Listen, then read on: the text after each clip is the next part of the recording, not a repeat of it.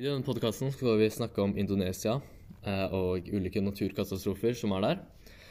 Indonesia er en republikk i Sørøst-Asia mellom eh, det asiatiske fastlandet i nord og Australia i sør. Eh, det er også et land med masse øyer og blir også derfor kalt øyrike. Landet består av omtrent 17 000 øyer og har en veldig lang kystlinje på ca. 54 000 km. Uh, landet ligger også på begge sider av ekvator, som gjør at det er veldig varmt der, og um, dermed oppstår det en del naturkatastrofer. Um, under Indonesia så er det også tre tektoniske plater. Um, Stillehavsplaten, den eurasiske platen og den australske platen. Landet har derfor veldig mange aktive vulkaner og jordskjelv som ofte inntreffer.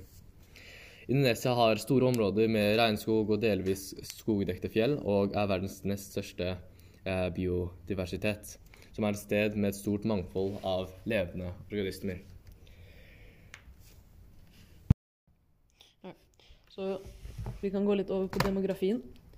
Eh, for å starte, Indonesia har en befolkning på omtrent 237 millioner mennesker. Og er altså verdens fjerde mest befolkede land. Eh, og øya Java eh, er den mest tette befolkede området, med hovedstaden Jakarta liggende på seg. Indonesia er i det vi kaller den tredje demografiske, demografiske fasen. Vil si at i denne fasen eh, så synker dødsraten, og den forventede levealderen øker. Og dette er mye pga. økonomisk stabilitet og teknologisk og utvikling og industrialisering i landet. Eh, fødselsraten synker også gradvis pga. den økonomiske utviklingen. Men eh, fruktbarhetstallet ligger på rundt omtrent 2,2 barn per kvinne, som er litt over det ideelle. Indonesias naturressurser er mange. Den viktigste er de store mengdene med mineraler og råvarer i jorda. Indonesia driver derfor med veldig mye gruvedrift og er bl.a. en av verdens største eksporter av kull. De graver ikke bare etter kull, men også etter gull, kopper og tinn, som er viktige materialer i produksjon av teknologi. Gruveselskapene utgjør faktisk omtrent 12% av eh, Indonesias GDP, altså varer og tjenester solgt. Disse naturlige ressursene har hjulpet Indonesias økonomi ekstremt, eh, og har hjulpet eh, med industrialiseringen av landet. Og sendt dermed landet inn i den tredje demografiske fasen. Uh, industrialiseringen har gjort befolkningen rikere og har dermed økt forventet levealder og sønket fødselsrate. Grunnen til at landet ennå ikke er i fase fire demografisk og har tatt igjen de vestlige landene økonomisk, er pga. Eh, den tidligere koloniseringen, bl.a. Indonesia var nemlig en, eh, ble først et selvstendig land fra Nederland i 1949, og er derfor et stykke bak de mest velstående land i verden.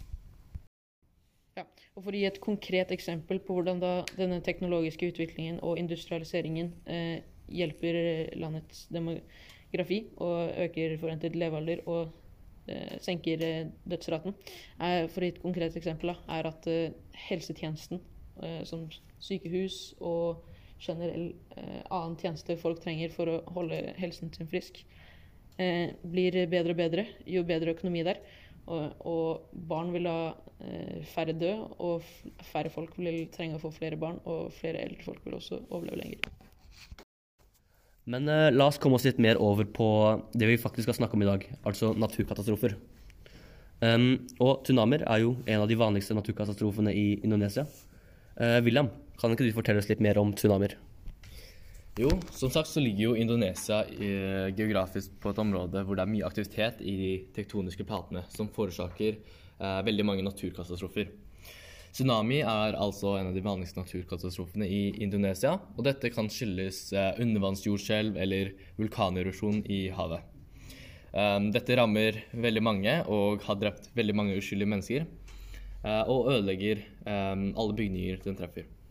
I 2004 så var det jo Eh, mange deler av verden så rammet av et kraftig jordskjelv, inkludert Indonesia. Og denne drepte over 167 000 mennesker i Indonesia, og veldig mange hjem ble ødelagt. Dette var en veldig kraftig og sjelden tsunami eh, og jordskjelv som ikke skjer ofte, men i snitt så skjer det en stor tsunami hvert femte år i Indonesia. Um, de fleste registrerte tsunamier er blitt utløst av um, jordskjelv. Dette kan bli forårsaket av at vulkaner som f.eks. Eh, Anak Krata-tau, eh, som eh, eksploderer og eh, krateret delvis kollapser i havet uh, ved høyvann. Og dette um, sender opptil eh, fem meter høye bølger uh, inn mot uh, kystområder i i f.eks. Indonesia. Men nå vet vi at uh, jordskjelv er, uh, spiller en stor faktor i, i, tsunami. Men hva er egentlig um, et jordskjelv? Jo, så eh, selve jordskjelvet er egentlig vibrasjoner i overflaten, kan man si, som kommer av at store mengder energi plutselig blir frigjort. Eh, og disse jordskjelvene kommer, av at plate, platetektonikken mellom platene som bærer eh, landet til Indonesia, eh, eh, liksom klasjer mot hverandre. Og dette, da, dette kaller vi da forkastning. Eh, I tillegg til dette er vulkansk aktivitet også med på å bidra til jordskjelv, som altså oppstår, eh, eller liksom blir laget da, av bevegelsen til magmaen i, i, i vulkanen, som skaper rystninger i jordoverflaten, som da er med på å lage disse jordskjelvene. Eh, og ja, som sagt, det oppstår da ved at to deler av litosfæren, som er det øverste liksom, stive laget av jorden, beveger seg i forhold til hverandre. Igjen, dette er da forkastning. Eh, og friksjonen som oppstår mellom disse platene, bygger da opp kraftige spenninger i bergartene som ligger mellom platene. Og disse spenningene da vil bli etter hvert frigjort, og da blir det sluppet løs store mengder energi i jorden, som da skaper dette som vi eh, opplever som jordskjelv. Jordskjelv er faktisk nat naturkatastrofen som er mest vanlig i Indonesia og det er mange aktive jordskjelv nesten daglig. Allikevel er mange av dem ikke farlige. De fleste som skjer nesten daglig, er på under nivå 5 på Richter-skalaen, som måler hvor sterkt og betydelig et jordskjelv er. Eh, det vil si at de fleste jordskjelv er under da nivå 6, som regnes som eh, at jordskjelv kan være katastrofale. Eh, men siden de er på nivå 5, Eh, så vil det ofte ikke ha like stor betydning og påvirkning på ting som f.eks. infrastruktur. Vi kan også se på dagen i dag at ved å slå opp jordskjelv i Indonesia, ser vi faktisk at det fortsatt er et jordskjelv i Indonesia den dag i dag når vi spiller inn denne podkasten. Ifølge US Geological Survey så ser vi at det er en, eh, eh et jordskjelv som eh, har effekt på Indonesia, Filippinene og Øst-Timor. Allikevel så er ikke denne, dette jordskjelvet for katastrofalt. Og Og ja. Ifølge NRK så har 270 mennesker mistet livet, og rundt 150 er savnet. Man kan også legge til at 50 000 har mistet hjemmet sitt under dette. Ja. Mingard, Fortell oss om hvordan er det landet håndterer denne krisen?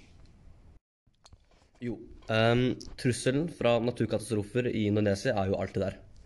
Um, og som en konsekvens av dette så har um, Indonesias stat brukt mellom 90 og 500 millioner dollar på å eh, jobbe imot naturkatastrofer.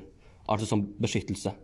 Og mye av disse pengene har de jo tjent på det jeg snakka om i stad, med gruvedrift og annen produksjon. Eh, ja.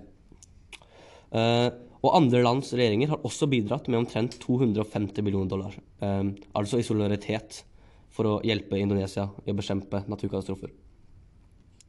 Uh, dette betyr at hele 2% av landets statsbudsjett går til beskyttelse og erstatning mot disse naturkatastrofene, spesielt tsunamier og jordskjelv. Dette er tall fra World Bank. Men demografien i Indonesia gjør det vanskeligere for Indonesia å håndtere naturkatastrofene. Dette er fordi Indonesia er et av verdens tettest befolkede områder. Øya Java, der hovedstaten Jakarta ligger, er faktisk området i verden der folk lever tettest, med 1000 mennesker per kvadratkilometer. Eh, Britannica sier dette. Mange av disse menneskene bor ved kysten eh, og i nærheten av vulkanene. Dette gjør at når en naturkatastrofe treffer Indonesias kyst, eller et jordskjelv rammer et område i Indonesia, så er konsekvensene ekstra store, fordi det bor så mange i disse områdene. Dette kan bety tusenvis av dødsfall og hundretusenvis som mister hjemmene sine. Et eksempel på dette er når tsunamien som William snakket om, eh, i 2004 traff eh, et veldig tett befolket område i Ake-regionen. 130 000 mennesker, eller indonesiere, døde, og over en halv million mennesker mistet, sine. Nei, mistet hjemmene sine. Dette skjedde bl.a. pga. at området så, eh, som ble hardest rammet, var så tett befolket, og byen ikke var beredt for katastrofen som traff. De menneskene som døde i katastrofen i 2004, fikk aldri en advarsel på forhånd eh, av katastrofen. Dette gjorde at enda flere mennesker døde enn det som var nødvendig.